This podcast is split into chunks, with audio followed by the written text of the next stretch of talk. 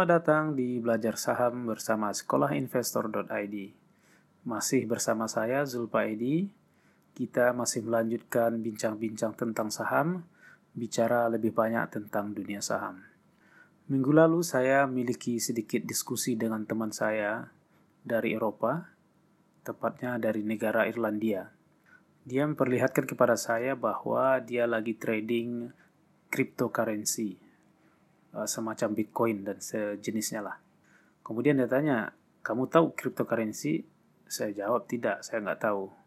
Saya tanya, apa itu cryptocurrency? Dia bilang, it's just about gambling. Dia bilang hanya kayak perjudian lah. Mungkin untung, mungkin rugi gitu. Saya bilang, kenapa nggak coba aja trading saham gitu. Dia bilang, trading saham is gambling tuh. Saya bilang, enggak, itu bisa dipelajari sebetulnya. Gitu. Dia bilang, enggak, no, no man, it's just gambling. Gitu. Akhirnya saya berhenti dan terdiam. Bahwa mayoritas orang awam ternyata berpandangan bahwa trading saham itu sama dengan berjudi. Berjudi di sini konteksnya bukan tentang halal haram yang mungkin orang Islam pahami gitu. Tapi berjudi tentang bahwa tidak ada formula untuk sukses yang ada hanya untung-untungan. Kalau lagi untung berarti cuan, kalau lagi buntung berarti loss lah. Akhirnya saya semakin sadar itu bahwa mayoritas orang akan berpikir demikian mungkin karena mereka tidak menemukan tempat yang benar untuk belajar, tidak menemukan orang yang mau mengajari mereka, atau mungkin belajar tidak pada orang yang tepat. Sepanjang yang saya tahu dan sepanjang yang diajarkan di sekolah investor, bahwa kita bisa memprediksi akan kemenangan kita di trading saham. Kita hanya akan masuk trading saham kalau kita yakin bahwa kita akan untung. Ternyata itu ada formulanya. Gitu. Terkait dengan gambling ini, terkait dengan paradigma orang bahwa trading saham adalah gambling ini, pada episode kali ini dan beberapa episode ke depannya saya akan sedikit membahas tentang trading without gambling dari bukunya Marcel Ling. Kita akan menggali lebih jauh apakah benar bahwa trading saham itu sama dengan berjudi dalam artian tidak punya formula untuk sukses. Kalau untung berarti hanya lagi beruntung dan kalau loss berarti lagi tidak beruntung. Kunci dari keberhasilan trading saham adalah perencanaan yang baik, serta mengetahui lebih awal tentang bagaimana kita akan bereaksi terhadap kondisi tertentu dalam pasar. Trading saham bukan hanya tentang membeli kemudian jual, tapi lebih kepada mengetahui kapan harus beli dan kenapa kita harus beli. Nah, ini yang orang banyak tidak punya. Mereka tidak tahu atau tidak memiliki alasan yang kuat mengapa mereka harus beli saham tersebut. Kebanyakan hanya beli saham berdasarkan rumor atau berdasarkan desas-desus.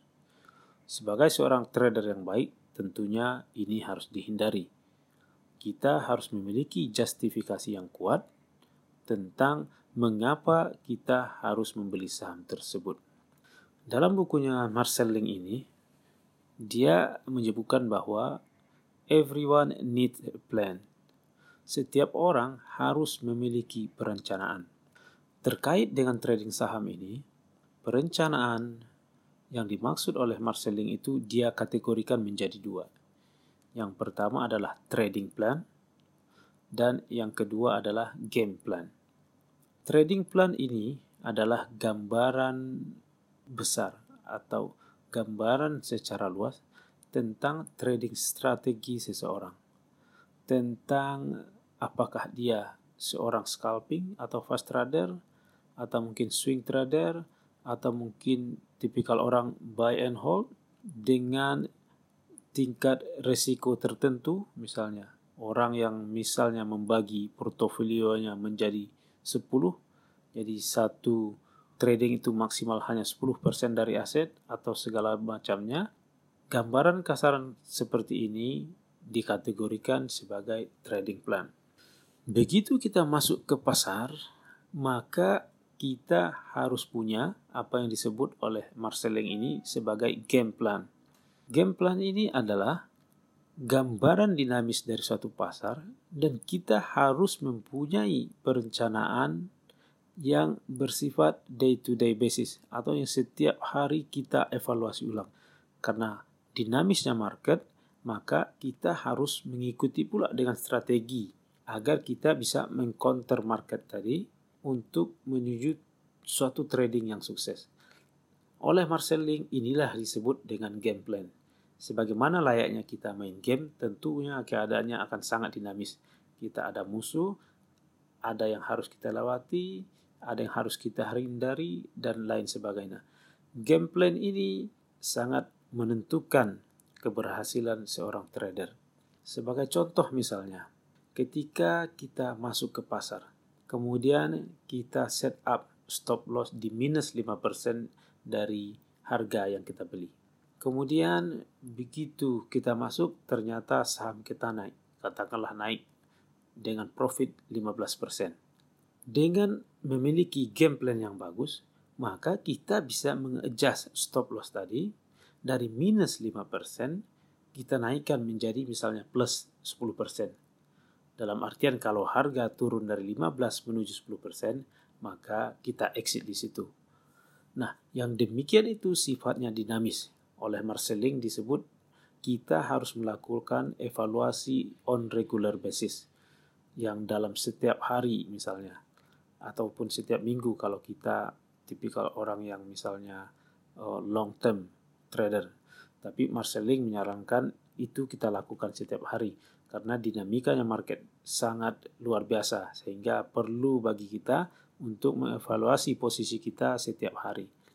Game plan ini lebih dinamis, lebih banyak hal yang harus dilakukan di sini dan itu sangat bergantung dengan kita bagaimana kita akan menghadapi situasi yang berbeda. Berbeda dengan trading plan tadi itu relatif lebih statis karena itu merupakan gambaran besar dari seseorang misalnya tentang tingkat risiko yang dia yang bisa dia terima atau tentang apakah dia swing trader atau long term trader. Nah, game plan ini lebih kepada jangka pendek gitu, untuk mengcounter pergerakan pasar naik dan turun yang harus kita ikuti setiap hari maka dengan demikian kita juga harus memiliki set strategi yang bisa diaplikasikan setiap hari juga. Makanya Marceling menyarankan bahwa setiap hari kita harus mengevaluasi posisi kita. Apakah posisi kita sudah dalam posisi beruntung atau apakah posisi kita harus segera keluar dari market. Nah, trading plan dan game plan ini merupakan dua hal yang sangat-sangat berkaitan dan harus kita miliki keduanya. Trading plan tanpa game plan yang baik tentunya juga tidak akan bekerja dengan baik. Sebagaimana misalnya dalam contoh permainan baseball misalnya. Orang memiliki lemparan yang cepat dan lemparan melengkung tentunya harus tahu kapan harus menggunakan lemparan yang dengan kecepatan tinggi dan kapan harus menggunakan lemparan dengan bentuk yang melengkung. Demikian juga dengan trading saham. Orang yang memiliki trading saham yang baik juga harus memiliki game plan yang baik. Game plan yang baik dapat mengcounter sedinamis apa pun kondisi pasar saham saat ini. Oleh karena itu, everyone needs plan. Setiap orang harus memiliki perencanaan. Demikian dari saya, sampai jumpa di episode selanjutnya. Tetap bersama sekolahinvestor.id.